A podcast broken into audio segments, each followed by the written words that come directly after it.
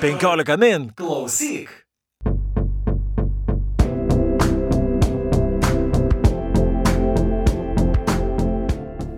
Labadiena, 15 min skaitytojai ir klausytojai ir su jumis sveikinasi po tam tikros pertraukos tinklaladė perskaitimai ir joje, kaip visuomet, vedėjai esame mes dviese, aš Audrius Ožalas. Ir aš Juratė Čerškutė. Ir šiandien mes kalbėsime apie knygą, apie Olgos Round, Round knygą darbuotojai. Ir šią knygą į lietuvių kalbą išvertė Aurelija Bivainytė, o išleido leidikla Rara. Ir šiandien sveikiname su šios knygos vertėja, kuri beje mūsų tinklaladėje lankosi jau ne pirmąjį kartą. Labas labas. Labą dieną, sveiki, labas. E, taigi, Olga Raun yra e, rašytoja, kuri ir tikrai yra gerai žinoma tiek Danijoje, tiek ir kitose šalise, nes jau tikrai verčiama į vairias kalbas, tačiau lietuvių skaitytojams tai yra pirmoji pažintis su jos kūryba, na ir jinai debutavo su e, poezijos rinkiniu, vėliau išleido ir prozos, o būtent šitas kūrinys darbuotojai, jeigu aš nesklysiu, turbūt yra labiausiai išgarsinęs bent jau ją visame pasaulyje, ar ne? Taip, tikrai taip. E, anglų kalba, e, jeigu neklystų, pasirodė ji per leidyklą Lolly Editions e, ir jų dėka pateko į Bukerį, Bukerio trumpąjį sąrašą ir jau tada apie ją sužinojo pasaulis. Ir jeigu turbūt dabar jau yra išleista dar keletas jos knygų, tai galbūt jeigu ne darbuotojai būtų buvę pirmi, o ta ėjusi jos My Work, galbūt nebūtų lengvas būt, toks jos kelias buvęs, nes e, gal ta kita jos knyga yra visiškai irgi kitokio formato ir, ir gal sudėtingesnė, e, bet jo, iš, iššovė būtent su bukeriu į, pasaulį. Ir šiaip ši knyga, iš tikrųjų, jeigu taip reikėtų na, apibūdinti apie ką, tai na, aš tiesą sakant labai sunkiai rašiau kaip apibūdinti, nes na, net ir perskaičius šią knygą, beje, labai trumpos, apie, na, labai mažos apimties perskaitoma turbūt per porą valandų, bet turbūt geriausia yra skaitoma bent kelis kartus. Na ir pati autorė paklausta, apie ką šita knyga sakė, kad yra erdvėlaivis, jame yra žmonės ir robotai ir jie dirba. Na, tiesiog taip, aišku, savo būdingą manierą atsakė. Ir, bet jeigu reikėtų tas paklausti, apie ką yra šita knyga?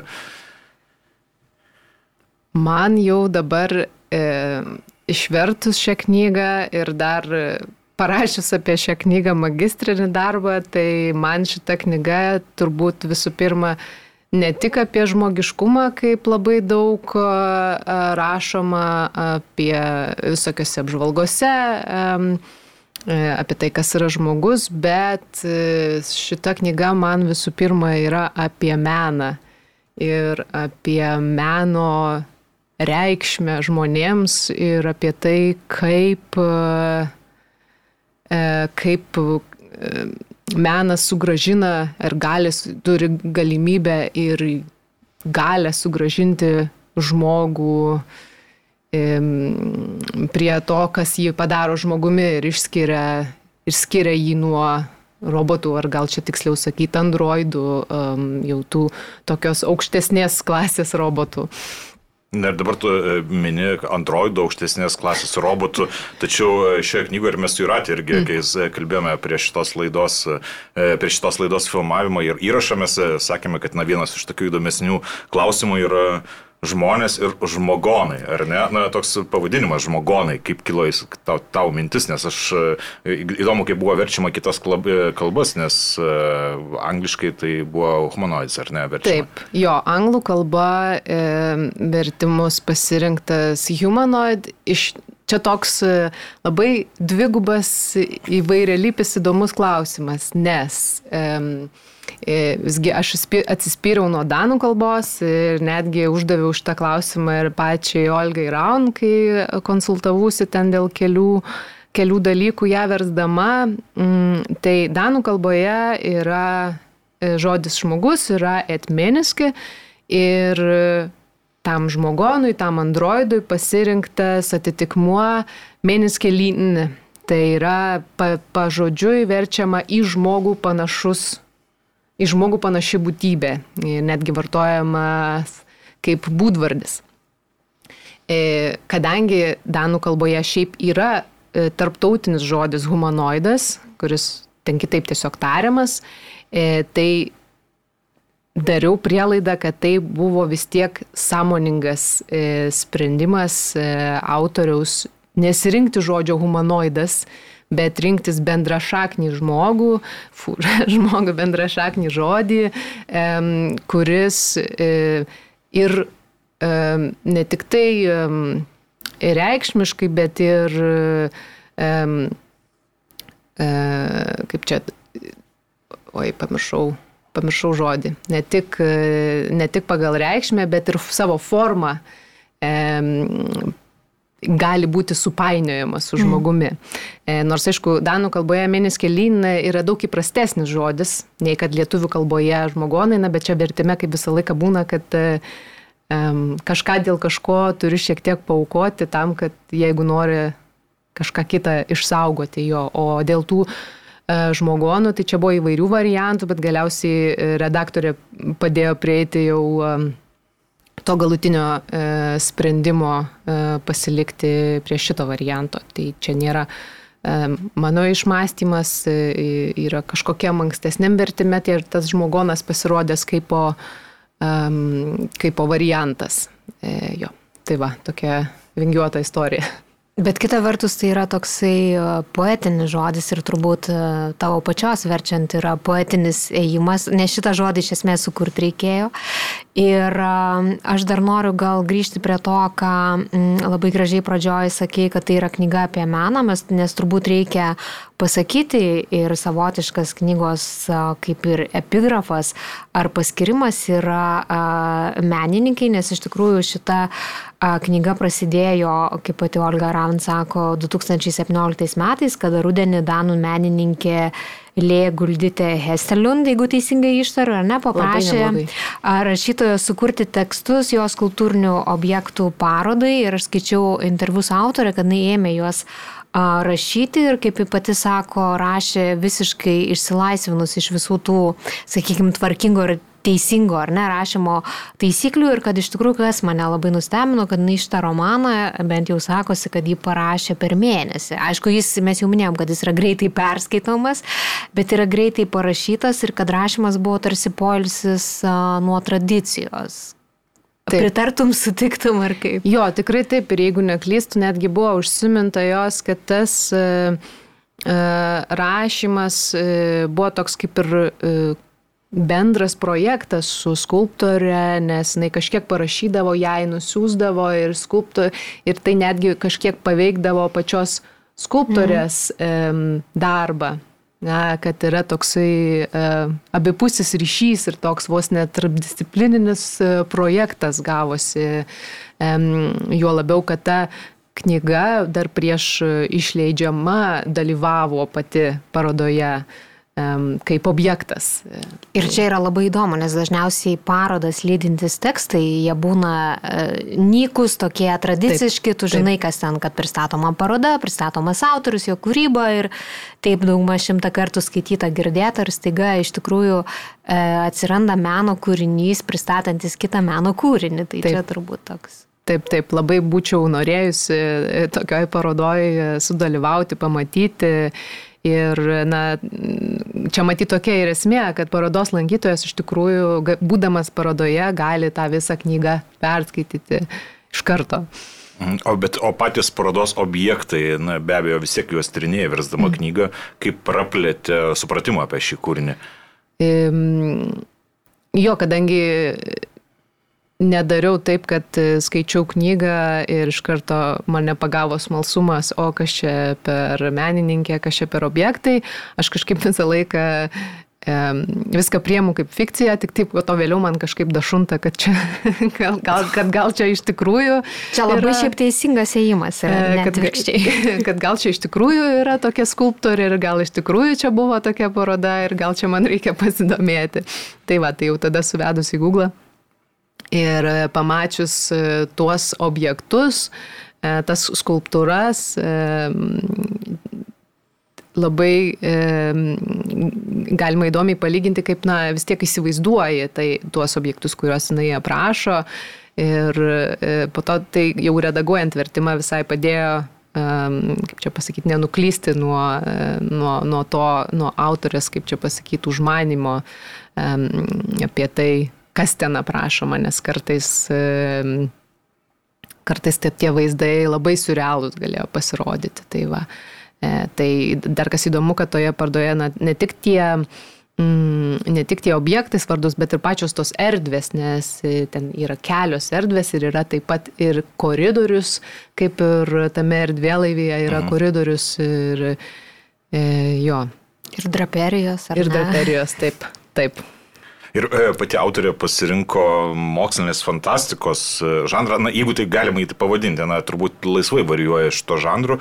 Na ir e, ji pati sakė, kad, na, jai patinka šitas žanras, nes jame galima, na, laisvai eksperimentuoti ir tai nėra galbūt varžoma tokių konvencinių e, rėmų kažkokių. E, Ar galima tai vadinti mokslinė fantastika? Na, aišku, iš esmės galima, bet, na, iš esmės man atrodo, kad kažkiek uh, na, išplaukia ir iš tų rėmų, kaip ten bežiūrėtum. Jo, čia labiau gal toksai formos pasirinkimas ar ne kažkokio siužeto um, suteikimas ar ne tą, tą, tą meną kažkaip į, į ypač e, konceptualų meną, kurį ten žmogus gal labai nesidomintis e, gali sunkiau priimti, kas čia aš čia irgi galiu palibdyti šitą rutuliuką, prilipdyti šitą jostelę ir e, nupaišyti ten dar kažką, tai jis gal jį priartina Nes toks labai mokslinė fantastika vis tiek yra žanras, kuris e, labiau mm, prie lengvai skaitomų, populiarių, e, galbūt priskiriamas kartais. E, čia aš kalbu apie bendrą tokį supratimą, ar ne? Aha. Apie tai, kaip kažkoks, man atrodo, rašytojas buvo kažkokioje knygoje paminėjęs, nebuvo tai grožinė literatūra, bet tiesiog nurašęs irgi mokslinę fantastiką prie tokių kaip čia, neaukštosios literatūros knygų. Tai kaip čia gal toks reimas, kaip priartinti tą konceptualų meną prie žmogaus, pasirenkant būtent šį žanrą. E, kita vertus, man atrodo, tai labai susijęs su Olgos Raun meilė Ursulai Legin, e, viena iš irgi mokslinės fantastikos rašytojų. Ir kalbėdama apie šią knygą, e, irgi citavo jos vieną esė, e, kur e, jie kažkaip minėjo, kad Ursula Legin bandė prieštarauti tam, tai teorijai, žodžiu, apie pirmąjį žmogaus įrankį, kad tai buvo lasda ir jinai bandė sakyti, kad tai iš tikrųjų buvo maišas. Ir, ir ten jai kilo ta idėja apie bendrą darbą ir apie bendrą kūrybą ir nuneigimą to vieno genijaus kurėjo. Na, žodžiu, tai čia truputėlį ekskursas. Aš manau, kad kas išskiria, šiaip nesu didelė, praktiškai visiškai nesu mokslinės fantastikos skaitytoja, visiškai, kaip sakoma, ne mano arbatos padelis, bet kai aš skaičiau Olga Ran, bet kas nutinka, kodėl galbūt šita knyga, ne galbūt, bet iš tiesų yra jau literatūros, ne, nes šiaip dažniausiai žanrinė literatūra, tai tiesiog yra siužeto schema, tam tikri elementai, kurie visada turi būti išpildyti ir iš esmės žmonėsgi, kurie skaito tą žanrinę, žanrinę literatūrą, jie nu, dažniausiai joje neieško gerai parašyto sakinio. Tai. Tai kas nutinka su Olga, kad čia yra daug gerai parašytų sakinių ir yra tikrai nemažai poezijos. Aš net esu išsirašiusi, man atrodo, 165 parodymą, kuriame yra kalbama apie rožę. Taip, 165 parodymas cituoju, ar aš išlieta programoje į rožę stikle. Ir gal dar turim pasakyti tą dalyką, kad knygos struktūra yra irgi turbūt tokia išskirtinė, kad ją sudaro žmonių ir žmogonų, kurie kartu koegzistuoja tam erdvėlaivį, žodžiu, parodymai. Ir čia man aišku, ką primena šita schema, tai primena Mm, Rijonosuke Sakutagavos rašiomoną ir apsakymą tankmėje, kur ar ne kažkas nutinka, nes čia mes žinom, kad kažkas nutiko. Ir dabar yra atliekamas vidinis tyrimas ir va yra renkami parodymai ir jie visi yra skirtingi, jie visi tarpusavį nesudera ir va šitas toks e, rašiomoniškas toksai žvilgsnis sukuria tą tokį, atitraukia Olga Ram nuo tos tradicinės mokslinės fantastikos, man tai atrodo. Ir man atrodo, kad iš tikrųjų tau paminėtas tas poetiškumas, nes na, tai, kad jinai pradėjo kaip poetė ir iš dalies, aišku, yra poetė, tai labai stipriai jaučiasi šitoje knygoje, nes na, knyga yra persimelta to tokio poetinio ilgesio ir, ir, ir nostalgijos, tokio jausmo, kad, na, iš tikrųjų, na, tas, kaip jau ir sakai, tradicinėje mokslinėje fantastikoje, išskyrus kai kurios atvejus, tai labai sunku surasti būtų. Bet jeigu tu paminėjai apie tą išdėstymą, tai man kitas klausimas kiltų, kaip skaityti šią knygą, nes, na, iš tikrųjų tie liudijimai, parodymai yra sudėlioti, na, tokia tvarka, Nechronologiškai, netvarkingai. Ar, ar, ar galima skaityti kažkokiais kitokiais būdais, nes, na, čia vėl grįžtume vėlgi prie klasikos, kad, kad ir pradeda nuo Kortazaro, ar ne, tai žaidžiame klases, kur galima įvairiais variantais skaityti. Kaip šitą knygą galima skaityti, ar pati, ar gal bandai kažkaip kitaip išdėlioti skaityti? Jo, aš šiek tiek e, krapščiau šitą klausimą rašydama magistrinį, nes ta struktūra irgi Na, iš pradžių tai perskaitai tą knygą ir tokio esi, čia pasakyti, estetiniam pakilėjime nuo, nuo, nuo, aišku, nuo kalbos, nuo poezijos ir, ir visas nuo tokio svaigulio, e, po to jau kažkaip susimastai, kad šitie skaičiai reiškia ir e, man patapo smalsu atkurti eiliškumą. Um, tų uh, parodymų, uh, tai žodžiu, aš ten juos skaičiavau, žiūrėjau, kas čia man išeina. Galiausiai buvo taip, kad sudėjus juos iš eilės, e, e, galima matyti kažkur per vidurį vykstantį tą lūžį, kad, e, kad atsitiko kažkoks įvykis, na, kiti, kiti, taip tariant, tas žmogonų maištas, ar ten tas nužudimas, kuris įvyksta. Ir e, nuo to e, epizodo jau viskas e, eina tik tai blogin, taip sakant, link to, to likvidavimo laivo, link tos destrukcijos. Kai kur ten galima atpažinti, kas kalba, kai kur ne. Yra, keli, yra du, man atrodo, parodymai, kurie kartojasi. Vienas jų yra, man atrodo, žmogono, kitas yra žmogaus ir jie abu yra, kaip aš ten nagrinėjau ir, ir kaip man pasirodė, viena dalis jų yra labiau tokia korporatyvinė, o kita dalis uh, to pasikartojančio parodymo yra tokia labiau meninė. Tai ta kur, dalis, kuri yra korporatyvinė, E, labiau persmelkta to tokio darbo žargono. E, tai visą laiką, kai žmogonai ir žmonės kalba apie darbą, jie vartoja tos terminus iš e, tų um, darbuotojų, um, kaip čia tie vadinasi, performance reviews, uh, darbuotojų veiklos rezultatai, mhm. kažkokie veiklos rezultatų ataskaitos. Um, tai ten tikrai jaučiasi, kad yra šiek tiek paimto to to žargono iš tų ataskaitų ir kadangi yra gretinama, kai tik tai pradedama kalbėti apie objektus, atsiranda poezija.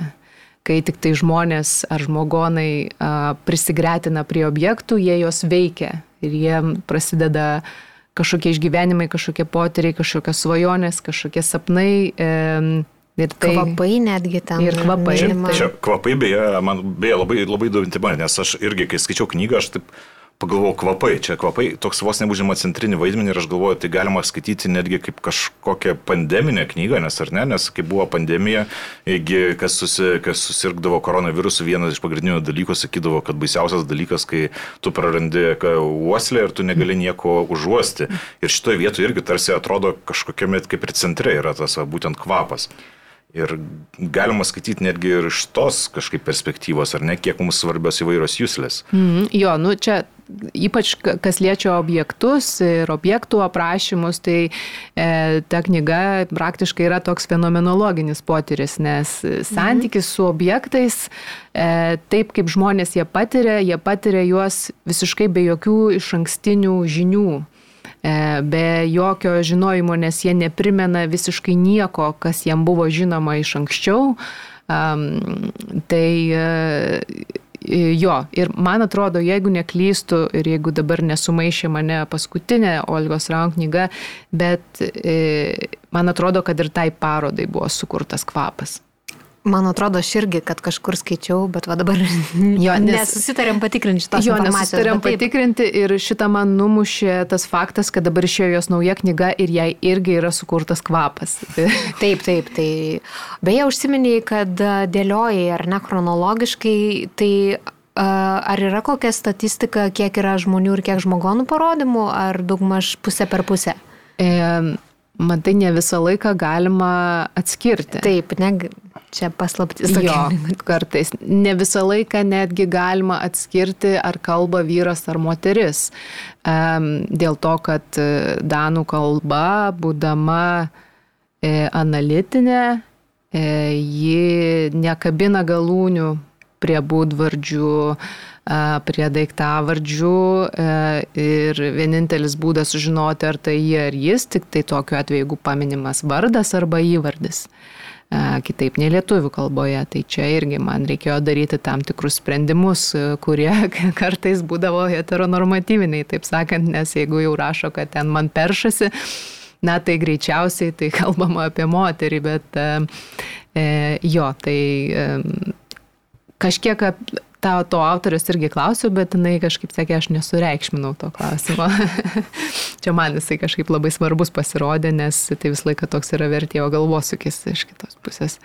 Ir beje, jau ne vieną kartą minėjai, kad bendravai būtent su pačia autorė. Ar, ir dažnai vertėjai sako, kad na, autoriai nėra tokie labai linkę bendradarbiauti su vertėjais ir, ir, ir, tarkim, turi, aišku, be abejo kitų reikalų. O, kaip suprantu, šiuo atveju buvo taip, kad jinai leisdavosi ir paaiškinimus, ir, ir, ir, ir pokalbius, ir visą kitą.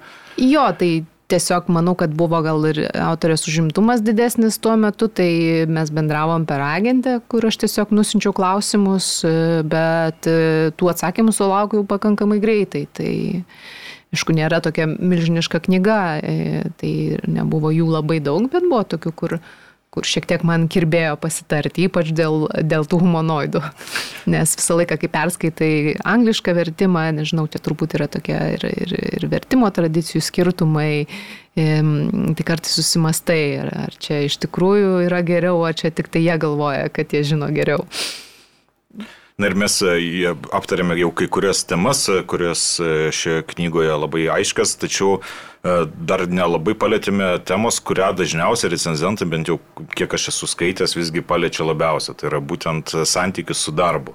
Mm. Nes, e, kaip tu sakei, kas tau yra pirmiausia šita knyga, tai na, visgi nepabrėžiai, kad yra būtent santykis su darbu, nors daug kas aiškina, kad tai yra būtent jos kritika galbūt netgi ir pačiai kapitalistiniai sistemai, santykiai su darbu ir, ir, ir tai, kad gi- darbas mums yra gyvenimas. Nes aš irgi dabar tokį vieną citatą pasiėmęs iš 31 parodymo, e, visuomet buvau darbuotojas, aš sutvertas dirbti ir vaikystės niekada neturėjau. Na, čia aišku, tik šiaip paėmiau ir tie, kurie neskaitė, galbūt iš to konteksto nelabai ką ir supras, na, bet iš tikrųjų tai e, knyga iš dalies irgi yra apie tai, kad e, žmonės e, tampa tos darbo įkaitais ir priema save kaip to darbo dalį ir, ir viskas, tai yra visas jų gyvenimas. Taip. Jo, tai čia iš tikrųjų, na, kai kalbėjau apie meną, tai, tai ir yra ten tie du poliai knygoje realiai egzistuoja. Ir jie egzistuoja ne tik tai e, turinio lygmenių, a, tai reiškia e, yra e, erdvėlaivis e, ir joje esantis darbuotojai ir darbas ir yra objektai, bet e, yra ir tas mūsų kasdienis gyvenimas, ir yra menas, ir yra e, tas e, visas tos ataskaitų žargonas, ir yra poezija. Em, Tai čia tos gyjos jos e, labai susipynusios toje knygoje ir turbūt be, be vienos neegzistuotų kita, nes e, e, menas yra tas, tas dalykas, kuris e, šiuo atveju, na, šiuo atveju destruktyviai, bet padeda e, žmonėms e, ir tiems betampančiais žmonėmis žmogonams e, išsilaisvinti iš to nu, antropoceno, to žmogaus tokio e, dominavimo ir žmogiškosios veiklos ir darbo dominavimo e, realybėje, nežinau, pasaulyje. Bet man tai patiko, kaip jinai labai grakščiai ironizuoja tą produktivumo kultą ir aš dabar paskaitysiu irgi citatą, žmogaus gyvenimas nėra vien darbas, o gal žmogus nėra vien darbas, kuo jis dar galėtų būti, iš kur rastųsi maistas, kas palaikytų kompaniją, kaipgi gyventi be darbo, be kolegų, negi tik spintoj stovėsi. tai, tai iš tikrųjų yra tas toks darboholizmas, ar ne, kaip 21 amžiaus rykštė. Bet aš noriu dar truputį mm, platesnį kontekstą paimti, todėl kad kai mes kalbinom pernai Aureliją, tai mes kalbėjom apie jos verstą knygą Tuves Ditlepsen Kopenhagos trilogija. Ir čia yra labai gražus siūlas su Olga Raun dėl to, kad ji mm, ji užsijėmė Tuves Ditlepsen, kaip sakyti, iš, ištraukimu į dienos šviesą būtent šitais laikais, kodėl jinai tapo taip populiari ir buvo išversta į anglų kalbą ir štai lietuviškai. Ir jos, aišku, yra labai, nežinau, vat kaip tau atrodo, nes šiaip jos yra iš pirmo žvilgsnio tikrai kardinaliai skirtingos rašytojas, bet man atrodo, kad kas jas jungia, tai tas bandymas išsiaiškinti, kas yra žmogus ir kaip būti žmogum. Tik tiek, kad Tuvė tą daro aprašydama savo gyvenamą dabartį, o Olga Ram, jinai komentuoja dabartį, kurioje mes gyvenam, bet aišku, kuria tą distopinį šuolį į ateitį ir turbūt distopijos gal tuo ir įdomiausios, kada skaitydamas ar ne tą viziją apie pasaulį po kažkiek tūkstančių metų, tu iš tikrųjų perskaitai raportą apie dabartį. Taip, taip, tai jo, bet čia, na, jau tokia tezė labai sena, kad ta visa mokslinė fantastika, nors e, taip nepagalvojus visą laiką sakome, kad tai yra apie ateitį, bet iš tikrųjų tai visuomet yra e, dabarties komentaras ir dabarties e, refleksija. Tai taip, iš vienos pusės jos, jos skirtingos, iš kitos pusės Tai taip pat, be to, ką tu paminėjai, aišku, tai taip pat yra rašytojos, kurioms kūryba yra numeris vienas dalykas gyvenime. E, virš visko. E, manau, dėl to ir, e, ir, ir tie jos projektai tokie skirtingi, galvojant apie kitas jos knygas. Ir dėl to ji taip pat kalba vėliau ir ne tik darbo tema, bet ir motinystės tema, kuri beje ir darbuotojose yra paliečiama Bet ir ta knyga apie motinystę vadinasi Mano darbas. Ar Taip. ne, va tas darbas Taip. jis niekaip neišsprūsta. Aš beje dar tik pradėjau, nes labai laukiu šitos My Work knygos angliškai, tai jinai pasirodė praeitą savaitę. Pradėjau skaityti, tai yra ten vos ne antram puslapį ta tezė, kad kiek, kaip jūs galvojat, kiek valandų per dieną a, motina maitina naujagimi krūtimi? Aštuonias valandas, tai yra pilna darbo diena. Ir žodžiu, va, tas Ką man atrodo, Olga bando parodyti, kad e, darbas tai nebūtinai reiškia, ar ne, ateiti kažkur į biurą arba atsisėsti prie darbo stalo ir sėdėti tas 8 valandas. Taip, taip, nu jo, čia jau tokia, taip sakant, feminizmo teorija einantis e, pareiškimai, kas, e, aišku, būtina apie tai kalbėti. Ir šiaip Olga Raun yra ir šiaip labai em, ne tik užsisukusi savo kūrybos burbule, bet ir labai socialiai angažuota e, asmenybė. Ir e, visą laiką, mat, kaip kad tik kalbėjome prieš laidą, o gal jau čia laidoje apie Olgos e, Raun socialinės medijas ir jos e, būvi socialinėse medijose, kad jinai yra tam tikra netgi literatūros influencerė. E, e, nes ne tik reklamuoja aišku savo kūrybą, bet ir pasisako aštriais socialiniais klausimais, daugiausia vykstančiais e, Danijoje. Taip, nes aš ją seku ir vat, prieš laidą Raudrui sakiau, klausiais manęs, kągi tu veikia Instagrame. Tai pavyzdžiui, aš seku Olga Raun ir man tikrai įdomu žiūrėti, aišku, man įdomu kaip literatūros tyrėjai žiūrėti, kaip jinai kuria tą savo, sakykime, ar ne, socialinių tinklų avatarą. Uh, kuo jinai dalyjasi ir dabar iš tikrųjų labai daug yra informacijos apie tą patį naujausią jos romaną daniškai, kuris, kaip suprantu, yra apie viduramžių raganų deginimus. Ir, ir irgi vėl, ar ne, čia e, darbuotojai yra distopija. Mano darbas apie motinystę yra tokia visiškai realybė, dabar bus toks žingsnis į praeitį, taip atrodo. O aš dar norėjau realiai tavęs paklausti, nes skaičiau, va dabar kaip tik, kadangi mano darbas išėjo angliškai, tai pilna interviu su Olga Raun ir paskutinis skaičiau The Guardian, kur ji pasako apie tai, kai šitą knygą išėjo Danijoje, jau ta apie motinystę, ar ne, kad jį valstybė, žodžiu, taip rimtai viską pažiūrėjo, kad ten buvo inicijuotas didžiulis projektas, motinų priežiūros po gimdymo, taip toliau ir panašiai, nors jin ten kritiškai atsiliepia, kad milijonai nuėjo biurokratams ir nieko neliko. Tai įdomu, ar kažkas panašaus buvo su mūsų apkalbamų romanų darbuotojai, turbūt ne, neteko girdėti. Ne, ne, negirdėjau nieko tokio ir nemanau, kad buvo.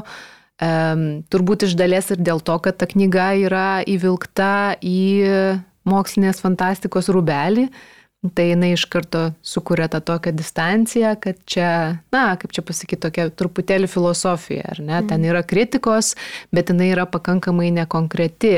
Um, o mano darbas yra, e, na, tai vis tiek labiau, ar ne, tai yra realūs veikėjai gyvenantis e, realiomis sąlygomis, yra tikri, tikri vietovardžiai, visa tai, tą distanciją tokia tarp fikcijos ir, ir realybės sumažina ir manau, kad tai didžiaja dalimi dėl to um, sukėlė tokį atgarsį. Ir, nu, turbūt, aišku, ir tos, to, to, to tokio žanro, tos e, literatūros apie motinystę išpopuliarėjimas taip pat prie to prisidėjo, nes tikrai daug rašytojų apie tai kalba. Ir, ir Danijoje kalba, kiek čia aš labai taip probėgom pažiūriu, bet ir turbūt man atrodo, kad My Work tai bus galima vadinti e, savotišką autofikciją irgi tokiu variantu, mm. kas mhm. irgi yra madinga. Ir aišku, tas vat, realybės išrašymo tiesmukumas, tiesmukiškumas, ko tikrai, man atrodo, nėra darbuotojose. Mm. Yra tokių tezinių sakinių apie mūsų gyvenimą, ar ne, kur gali išsirašyti apie darbą, apie tą, bet iš tikrųjų man turbūt kas įdomiausia, kad jos vienas iš tokių svarbiausių klausimų romane, tai ar robotai galės pakeisti žmonės, nes ką jinai rodo, kad tas yra žmogiškosios savybės, kurios yra būdingos tik tai žmonėms, tai žmogonai, kurie yra sukūriami darbo rinkai per dviejus metus vietoj 20 įprastai, ar ne, kaip žmogaus, kad vis tiek yra dalykų, kur jie, bet ta emocija nepaveikia, jie vis tiek veikia robotiškai. E, taip, iš dalies e, yra dalykai, kurių e, jie turbūt niekada negalės pasiekti, bet ten taip pat yra mm, e, tokia gyja, kad jie juk ima jausti, nu kaip jausti, galvoti, jausti neužprogramuotus jausmus, galvoti neužprogramuotas mintis. Yra tas, kad jie tampa, kaip čia yra tas angliškas žodis sentient. Um, Um, tai visą laiką kažkaip skaitydama prisimindavau Star Treką um, ir nes ten yra androidas, kuris viename iš Star Trekų yra androidas, kuris yra kaip pilnavertis jų įgulos narys ir jis labai stengiasi visuomet e, būti kuo panašesnis į savo kolegas, e, kuo panašesnis į žmonės, jis mokosi juoktis, bando ten skaito detektyvus, groja smūkų, žaidžia šachmatais ir jam visą laiką yra toksai čia pasakyti, ir, ir visi kiti jo įgulos nariai taip pat kovoja už jo teisę būti e, lygiaverčių e, visuomenės nariu. E, tai čia kartu yra taip pat tas pavojus, ar ne, nes žmogonai sumaištauja, bet tada klausimas, ar jie nesumaištauja dėl to, kad jiems yra neleidžiama. Josgi perkrauna, kai jie pradeda jausti neužprogramuotus jausmus ar galvoti neužprogramuotas mintis. Um, Tai va. Aš šiaip iš vis dar vieną klausimą buvau užsirašus, šiandien atėjau prieš pokalbį per savo skaitimo užrašus ir kažkodėl raudonom ir raidėm užsirašiau tokį klausimą, ar žmogus yra nesunaikinamo modelio, nes iš esmės apie tai irgi kalbama, todėl kad žmogonai ar ne, juos, juos jie nemiršta, juos tiesiog išjungia iš sistemos ir va tas, Taip. kita vertus mes irgi esam nuolat kažkokioje sistemoje.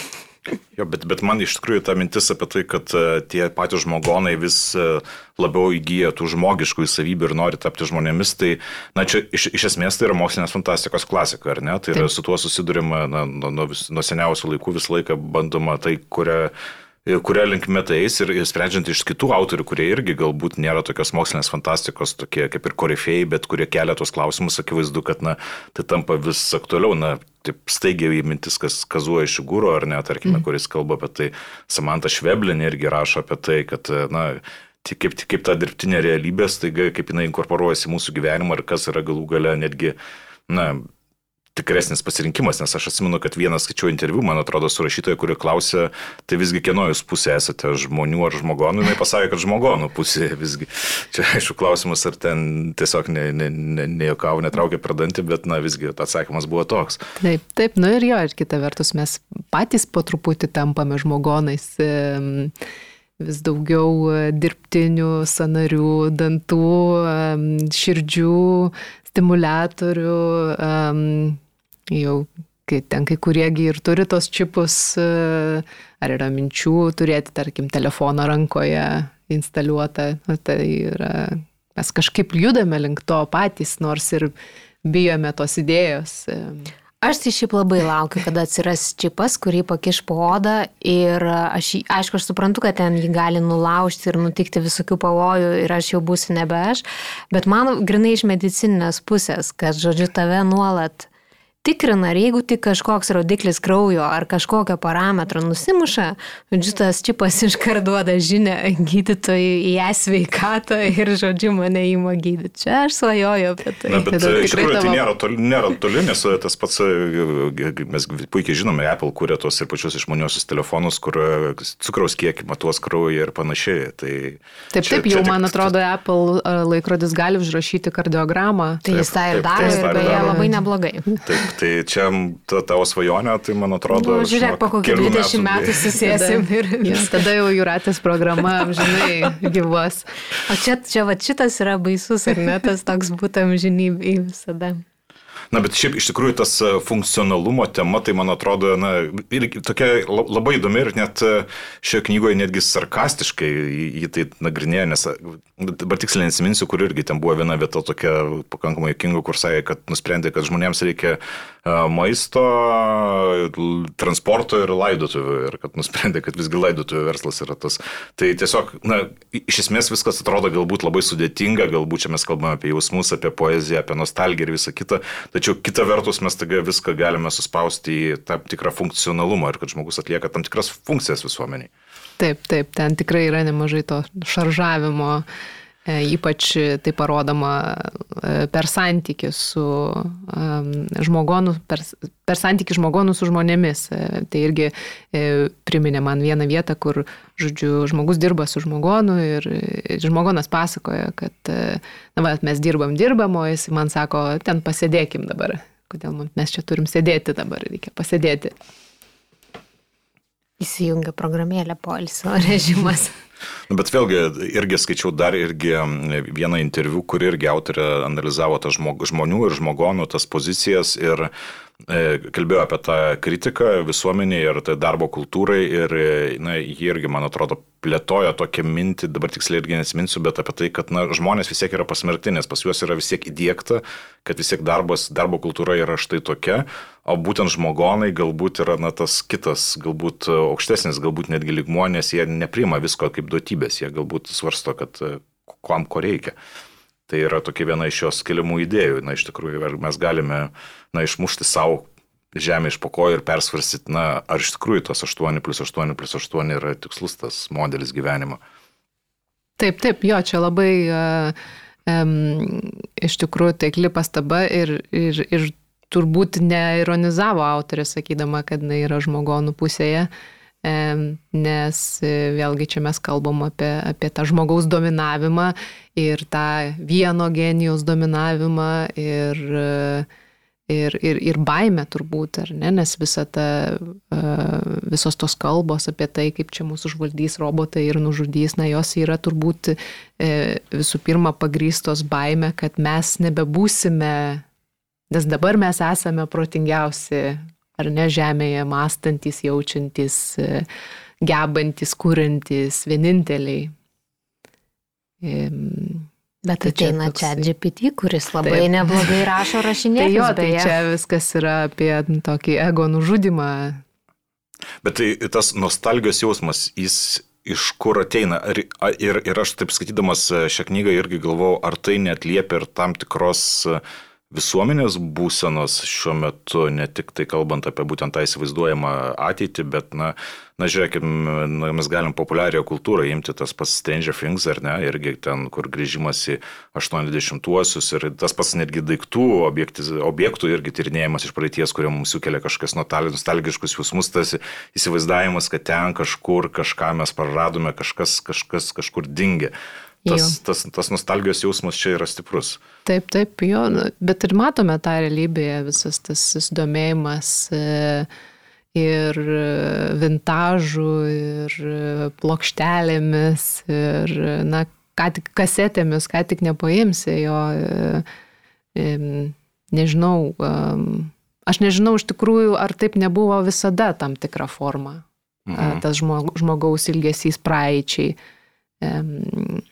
Aišku, mes dabar daug, daug daugiau e, tos informacinės klaidos, mes daug daugiau žinome, kas kur, kaip, kada vyksta, bet juk visą laiką būdavo ta kritika šių laikybei, va čia žmonės e, nebeskaitys knygų, tik tai radio klausys, e, kai atsirado radijas ar televizija. Televizija turėjo nužudyti tap, tap, tapybą. Ir šiaip, šiaip, šiaip, šiaip, neatsitiko. Ir šiaip labai įdomu, aš atsimenu, kai irgi rašiau savo dar irgi mokslinį darbą, būtent tai ir tyrinėjau, kaip ateinant į kiekvieną naują technologiją, buvusias technologijas paverčia meno formą, nes, na, tarkime, kai tu gyveni, tarkime, su radiju, tu priimi tai kaip duotybė ir to viskas atrodo normalu, paskui ateina kita forma ir tu galvoji, kad na, ta praėjusi tai buvo štai menas, o tai, mm. kur mes gyvenam dabar, tai galbūt kažkada po kokių 30 metų svarstys apie internetą ir sakys, štai koks, kokia buvo puikia medija, nors dabar mes sakome, štai internetas nu, atsitraukia, nėra ten tų žinių, visa kita, bet, na, galbūt kažkada mes tai matysime kaip meno formą. Tai gal čia žmonijos irgi toks yra tam tikras, na, pergimtinis dalykas, mhm. ilgėtis to, ką, ko mes neturime. Taip, taip, ir čia šiuo atveju, man atrodo, Olga Raun, jinai bando išsiveršti iš tokio požiūrio, būdama Instagramo influencerė, kalbėdama apie tik toką, e, ji labai, e, čia pasakyti, nėra e, konservatyvi tuo požiūriu, ji kažkaip bando ta, tas visas naujas, naujas tendencijas, naujas technologijas, jas suprasti ir integruoti kažkaip į savo būvį, e, tuo pačiu e, knaisiodamasi praeitie, ar ne, kaip dabar jos naujas romanas yra, aišku, apie e, 16-17 amžių, bet e, tai visgi yra labai tokia e, aktualus būvis, kaip čia pasakyti. Bet kas yra įdomu, vat, man buvo įdomu ir vis dar seku aš Olga Ram dėl to, kaip jinai kuria savo įvaizdį ir jinai tikrai uh, yra tas rašytojas, kuris, rašytoja, kuri jau nebestovi ant piedestalo, ar ne, jinai, jinai ten, nežinau, tikrai nemačiau, kad būtų įkėlus kažkokių video iš virtuvės ar panašiai, bet vat jos leidėjas Kanadoje, Book Express, man atrodo, išleido elektroninę knygą greičiau negu Loli Editions. Ir jie įkėlė tokį trumpą trijų minučių video į YouTube, kur Olga Round, žodžiu, Jis sako, aš va čia sėdžiu dviračių saugojimo aikštelį, va čia už nugaros yra mano vaikų kindergarten, aš va čia ką tik atvedžiau vaikus, tai dabar va iš serijos turiu tris minutės, tai aš išnaudosiu laiką efektyviai ir jums papasakosiu apie savo romaną. Ir nėra to, kas, na, įsivaizduotum ar ne, kad rašytojas ten jį kažkas filmuoja ir jisai taip didingai pasako apie savo kūrinį, bet jos tas kažkoks betarpiškas paprastumas ir aišku lygiai greta, kas yra įdomu, tai bet čia apie šitą jau naujausią istorinį romaną kalbant, kaip jį ten daro visokias magijas su žolėm ir ten kvapai ir taip toliau ir panašiai. Ar tu jau bent kažkiek paskaitėjai to jos naujo romano? E, ne, aš iš tikrųjų laukiu, galbūt jau būčiau nusipirkus, parsisiuntus, bet kadangi vyksiu į Danijos knygų mugę čia lapkričio pirmą, E, dieną, tai e, laukiu,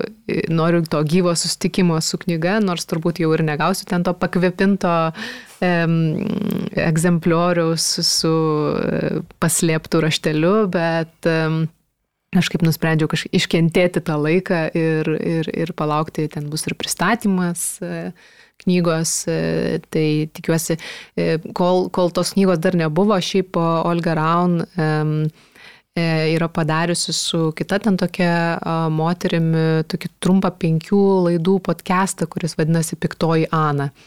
Ir ten yra apie tikrą asmenį gyvenusi ten, dabar neatsimenu, 16 ar 17 amžiuje, tikrą moterį, kuri buvo apkaltinta raganystę ir tą inicijavo kita tokia moteris, e, kurios vardas buvo Ana e, kurios portretas iki šiol kabo ten kažkokioje bažnyčioje. Ir, žodžiu, tose penkiose laidose e, nagrinėjo, kaip kas motivavo tą Aną, žodžiu, inicijuoti tos e, įdavimus tų kitų moterų. Na, žodžiu, labai įdomu ir ta, ta, ta tema Olga Raun dirbo jau, e, jau tikrai seniai. Ir tai ta, ta knyga ten e, vyrė kurį laiką, bet čia jos labai toks kaip rašytojos, labai um, būdingas jai bruožas, jinai įkrenta į kažkokią temą ir ją e, visiškai iki kaulelių išnarsto. Tai buvo ir su to Veditlevsen, kai išleido jos kūrybos ten laiškų rinktinę, tai jinai pasakojo vienam interviu, kad aš nieko daugiau neskaičiau, tik tai ją, kas man yra labai toks man, žmogui, kuris mėgsta pasiblaškyti, paskaito vieną knygą, tada kitą, tada trečią, tai labai žavėtinas bruožas sugebėti išjungti visus aplinkinius dalykus ir domėtis tik tai štai viena tema, vienu rašytoju ir atsiduoti tą, tai temai visiškai. Tai... Čia praktiškai tyrėjos toksai mm -hmm. vienas, taip, taip. įeiti. Ir beje, jeigu, jeigu kalbam jau apie tyrimus, tai tu užsiminiai, kad rašai savo darbą būtent apie šitą autorę, ar ne? Taip. Tai ar galima sakyti irgi, nes, na, vertėjai tikrai ne vieną jau knygą, kad būtent šita autorė yra, na, tavo autorė, jeigu taip galima būtų pasakyti. Nu jo, aš taip e, jau labai esu susigyvenusi su jie, nors e, mano darbo taip iki šiol ir nepabaigiau, bet e, manau tai buvo susijęs su, su tiesiog laikotarpiu, kurį aš tą knygą skaičiau, nes verčiau, tada kitą verčiau, tada magistrinį rašiau, nu, žodžiu, buvo man tiesiog neįtema. tai va, tai, bet tas vertimas yra toks, nu, tikrai mano gal E, kaip kūdikis, nes e, iki, iki Olgos Raun um, vertimo aš buvau taip užsisukusi detektyvų vertimuose ir kažkaip man reikėjo rasti išeimą iš to, nes net ten galvojau, antram kursė vieną detektyvą išverčiau, na nieko, tada pasiūlė antrą, tas antras pasirodė, kad ten trilogija, tada dar ketvirtas atsirado ir o dieve, kaip čia iš to pabėgti. Bet ir tada visiškai netyčia pamačiau leidyklos e, Güldendal, man atrodo, Instagrame e, kažkokią gražią knygą ir galvojau, ir kaip tik tuo metu draugės vaikinas važiavo į Kopenhagą, sako, parvežti tau knygų, sakau, jo, šitą va labai gražiai atrodo, pavežk, parvežk šitą ir dar tą. Ir, ir, ir tokių visiškai atsitiktinumų, nes aš nežinojau nieko apie ją. Tai buvo gal neseniai po pasirodymo, 18 ir 19 metai. Um, jinai atėjo į mano rankas, aš ją perskaičiau ir galvojau, va, čia yra šita knyga, kurią aš išversiu į stalčių ir kada nors jinai išeis. Tai vertimas buvo net ankstesnis už Ditlevsen, taip? Jo, Jo. A, tai ir tai vertėjai stalčių, o tai kaip, ar, ar po to pati pasiūlė leidėjų Benui, ar, ar kaip čia atsitiko vėliau? Jo, tai uh, siūliau Benui, iš pradžių pasiūliau Benui, nes kažkaip kalbėjom vat, su kita draugė, kad čia gal jam labiausiai tiktų, bet tuo metu jis buvo jau suplanavęs savo, žodžiu, metų metų biudžetais, tuo metu dirbo dar visiškai vienas, tai, nu, sako, gal tik tai kitais metais. Tai jeigu iki kitų metų nieks nesutiks paimti iš tos knygos, tai, tai tada pakalbėsime. Žodžiu, tai va, tai nieks ir nesutiko, e, ten vieni atrašė, kiti netrašė iš vis, na, čia toks, matyt, didesnės leidyklos vis tiek jos labiau mėgsta pačios spręsti, e, ką, ką, ką jos nori išleisti. Tai, net nepadėjo net ir bukerio šlovė ir aš galvojau, o, na, bukerio šlovė, dabar parašysiu dar ir šitai leidyklai. Na, bet e, galiausiai grįžau pas Beną, nes sakau, na, va, nieks nenorėjo. Tai, tai Bet šiaip eilė. iš tikrųjų labai sunku įsivaizduoti kokią kitą leidyklą, nu, dabar ypač vat, matant Taip. fiziškai, kokio tai yra gražumo. Bet šiaip labai gražiai Nedidelė išleista. knygelė, kurią tikrai gali įsidėti į kišenę ir nežinau, bet kur laukiant po vieną kitą parodymą. Aš šiaip, šiaip iš tikrųjų Varšuvai tai pavasarį ir skaičiau, tik, nu, ne popierinę, bet mhm. kur turi laisvo laiko, kavos, porą puslapių, nes čia iš tikrųjų tu nieko nepameti siužeto, iš esmės jo tokio kaip ir didingo nėra, mm. jis yra numanomas ir iš esmės tu skaitai tuos parodymus kaip žmogaus kažkokio ar žmogonų išpažinti irgi iš esmės Taip. skirtingai yra. Tai. Ir šiaip leidyklą atpažįstamas, čia jau Juratė pasakojo istoriją apie šitą knygą, nes kaip tik ruoždamasis laidai sėdėjau kavinėje ir skaičiau šią knygą. Ir e, prie padavėjo sako, kokią čia knygą skaitot, parodžiau šitą ir sako, o, tai čia šitą leidikla, aš nusipirkau kaip tik e, kitą šios leidiklos knygą Čilės poetas, tai galvoju. Taip, na, Čilės štai- poetas, man atrodo, irgi yra iš tų mažo formato knygų. Jos, Ne, šiek ai, tiek, tai šiek, tiek didesnė. didesnė, šiek tiek didesnė, bet, na, bet tai faktas tai, kad e, skaitytojai tikrai rarą leidyklą puikiai Taip. atpažįsta ir jau turi turbūt savo stilių, nes, na, šiaip iš tikrųjų net labai sunku, vat, kaip sakai, kad sunku įsivaizduoti leidyklą, bet aš taip sunkiai net įsivaizduoju, kas per skaitytojas turėtų būti šios knygos, nes, na, kaip, kaip viskas dažnai aiškiai gula, tarkime, ten, kas mėgsta ten, ten fanta, mo- mokslinę fantastiką, viskas aišku, e, tarkime, arba kriminalinius romanus, dar kažkokia na, išpažintinė literatūra, taip, šitoje knygoje. Šitas ne, tikras šitas- mokslinės fantastikos skaitytojas jis- Raunės skaitys. Čia yra tiesiog geros literatūros skaitytojams šita kuriam knyga. mėgsta biškai tokį veirt literatūrą, kuri yra keista, kurią perskaitęs galvoja, na, nelabai supratau apie ką, bet, bet palieka įspūdį, ar ne? Jo, mačiau kažkur Gudricose, man atrodo, vienas atsiliepimas buvo apie tai, na, yra daug įvairių idėjų užuomasgų, bet nieko kaip ir konkretaus. Na, toks jo, kaip sketšai tokie, ar ne? Taip. Tokie, to, bet toks, toks sumanimas ir buvo iš tikrųjų. nu jo, nežinau, aš neturiu priekaištų tokiam formatui, man šiaip patinka visokie tokie eksperimentai, jeigu aš patiriu tą svaigulį, tai e, reiškia tikslas iš, išpildytas. Na ir e, šiaip e, įdomu tai, kad mes praeitą kartą, kai kalbėjome e, studijoje apie, apie, apie kitą knygą, apie Ditlevsen be abejo, ir irgi užsiminė apie tai, kad na, pasirodys ir kitas vertimas, na, darbuotojai būtent, ir, ir kad, kad, kad yra ir kitas, na, tarkime, irgi minėjai, man atrodo, kad tai vertė ir kriminalinius romanus, tačiau yra štai kit, kit, po, e, kryptis ir kitokie tavo vertimų. Ir dabar galvoju, kas dabar tavo akiratyje ir ką tu dabar verti ir galbūt yra netgi ir Olgos Aron numatyta kas- kažkoks vertimas ar ne. E, ne, šiuo metu verčiu vėl Ditlevsen, O, e, nes e, turėtų kitais metais pasirodyti veidai. O, Jos. mhm. Tai va. kokia gera žinia. Bet šiaip, Aurelė, aš noriu paklausti, kaip tau atrodo, nes man labai keista, dar grįžkim truputį prie tos motinystės, ar ne, nes e, tikrai šita, šitos literatūros banga, jinai eina jau kuris laikas ir jinai turbūt prasidėjo nuo Šeilos Heti Motherhood, kurios nėra lietuviškai. Ir at man, pažiūrėjau, įdomu, kaip tu įsivaizduoji, ar Lietuvoje skaitytų, tarkim, tą mano darbas. Nes dabar tarsi eina socialiniuose tinkluose, ypač po čia visų tų baisių įvykių, nes senų eina ta banga, ar ne, kad moteris yra paliktos vienos, kad nieks nešneka, kad yra vis dar tas Taip. toks super kaip motinystė, tai yra fantastiškai nuostabus dalykas, bet ta tikrovė galbūt nebūtinai Jo. yra tokia. Aš net nežinau, e, kažkada tai tikrai ateis šitas ir, ir jo, e, kaip ir pati sakai, žiniasklaidoje tikrai labai nuo baisių dalykų mes pradedam apie tai kalbėti ir galvoti. Skaitytojas, manau, atsirastų, bet aišku, būtent mano darbas yra tokia knyga, vis tiek e, jinai yra pusiau irgi poezija. Yra ten ir proza, ir poezija. Tai e, nežinau, ar jinai yra um, visiškai su tokio tipo literatūra nepažįstamam žmogui, ar jinai yra ta pati geriausia įžanga į tokią literatūrą. Na, kad užkabinti um, kitokio tipo mhm. skaitytoją, um, galvoti apie tokius dalykus.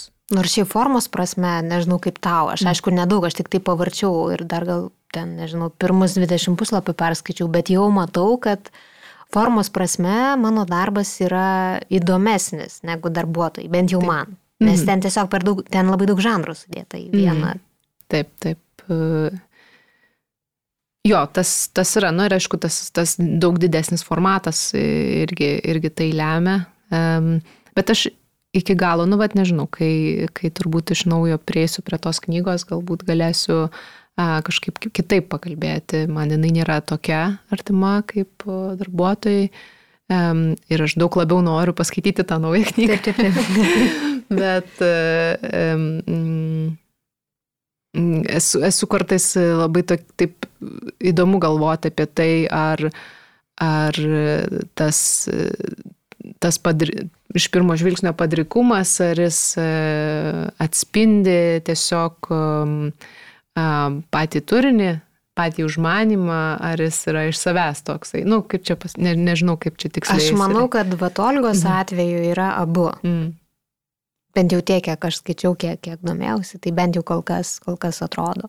Bet e, aš noriu paklausti, užsiminiai, kad važiuosi lapkritį į knygų mugę Danijoje, mhm. tai aš tikiuosi, kad e, lietuviškas darbuotojų variantas bus Olgai Raun perduotas, ar jį jau yra gavus? Nežinau šito iš tikrųjų, nes paskutinį kartą jau tas susirašymas su agentė ten buvo, kai Olga jau buvo labai užsiemusi, mes planavom ir interviu paimti, bet e, užsivėlinom ir galiausiai nebebuvo tam jau laiko. Um, tai, e, tai nežinau, reikės pasidomėti, bet e, tikrai važiuosiu parašo paimti. Ir beje, irgi Olgas Ronas šitą knygą, kaip jau pasirodė prieš kurį laiką ir turbūt jau girdėjo ir atsiliepimai, skaitėjai turbūt ne tik tai tuos gudrysuose ir kokie dažniausiai būna, ar kažkas nustebina, nes nuo šią knygą turbūt galima įvairiai perskaityti. -hmm.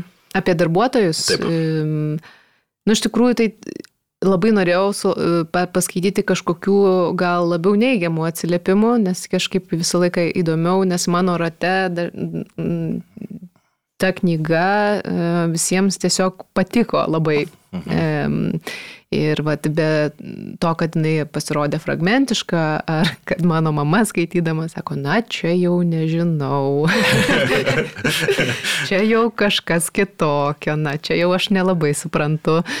Um, tai e, nieko tokio kitokio neužčiopiau. Tai va, bet uh, labai gal irgi laukčiau. Um, tokių pamastymų labiau tarp disciplininių apie būtent tą meno temą, nes manai čia yra labai įdomi, aš po to, kai parašiau magistrinį, galvojau, kad reikėjo rašyti biškelį kitaip jį. Mhm. Labiau apie fenomenologiją, nes tą, tą, tą temą čia galima labai įdomiai paplėtoti. O, jeigu o, surišant... E, o, o kokia knyga tema buvo, atsiprašau? Būtent rašant. Ten labiau apie skaitytojo vaidmenį, kaip, kaip bendros kūrybos tema yra ir pačioje knygoje, ir už knygos ribų, taip ir kaip ir paties skaitytojo vaidmuo, kuriant pridėtinę, kaip čia knygos reikšmę. Tai šiek tiek apie intertekstualumą, bet labiau apie, apie skaitytojo vaidmenį. Tai va. Bet mes dabar iš esmės išgirdom užduoti Lietuvos menotyrai, kad, žodžiu, laukiam kokios apžvalgos iš meno kritikos pusės Olgos Ram darbuotojų. Jo, nežinau, ar kada nors dar e, toje parodoje bent jau virtualiai reikėtų sudalyvauti. Tada. Na ir jeigu kalbant jau apie skaitytojų vaidmenį, na iš tikrųjų E, man atrodo, kad tai, tai yra viena tų knygų, kurią, kaip jau ir sakiau, kiekvienas skaitytojas na, labai interpretuot gali savitai ir labai skirtingus jausmus išjausti. Na ir aš pats irgi, kiek tyrinėjau, tai vieniems pasirodė labai graži, labai nostalgiška, kitiems pasirodė, na, tamsi, nes, na, vis tiek yra, yra tokios nevilties šiek tiek, vieni irgi, kaip, kaip ir kalbėjome, išvelgia darbo kritiką, nes, na, mm iš tikrųjų ten yra ten tokios citatos, aš irgi čia užsirašiau, ten, kad kodėl mane lanko visos šitos mintis, jeigu aš visų pirma turiu didinti produktivumą. Na, tai yra, yra, yra tokių įvairių apmąstymų ir, na, šiaip iš tikrųjų būtų visai įdomu išgirsti iš daugiau tų skaitančių žmonių nuomonių apie ką yra iš tikrųjų šitą šią knygą. Taip, jo, priklauso nuo charakterio tipo. Melancholikam tai jinai graži.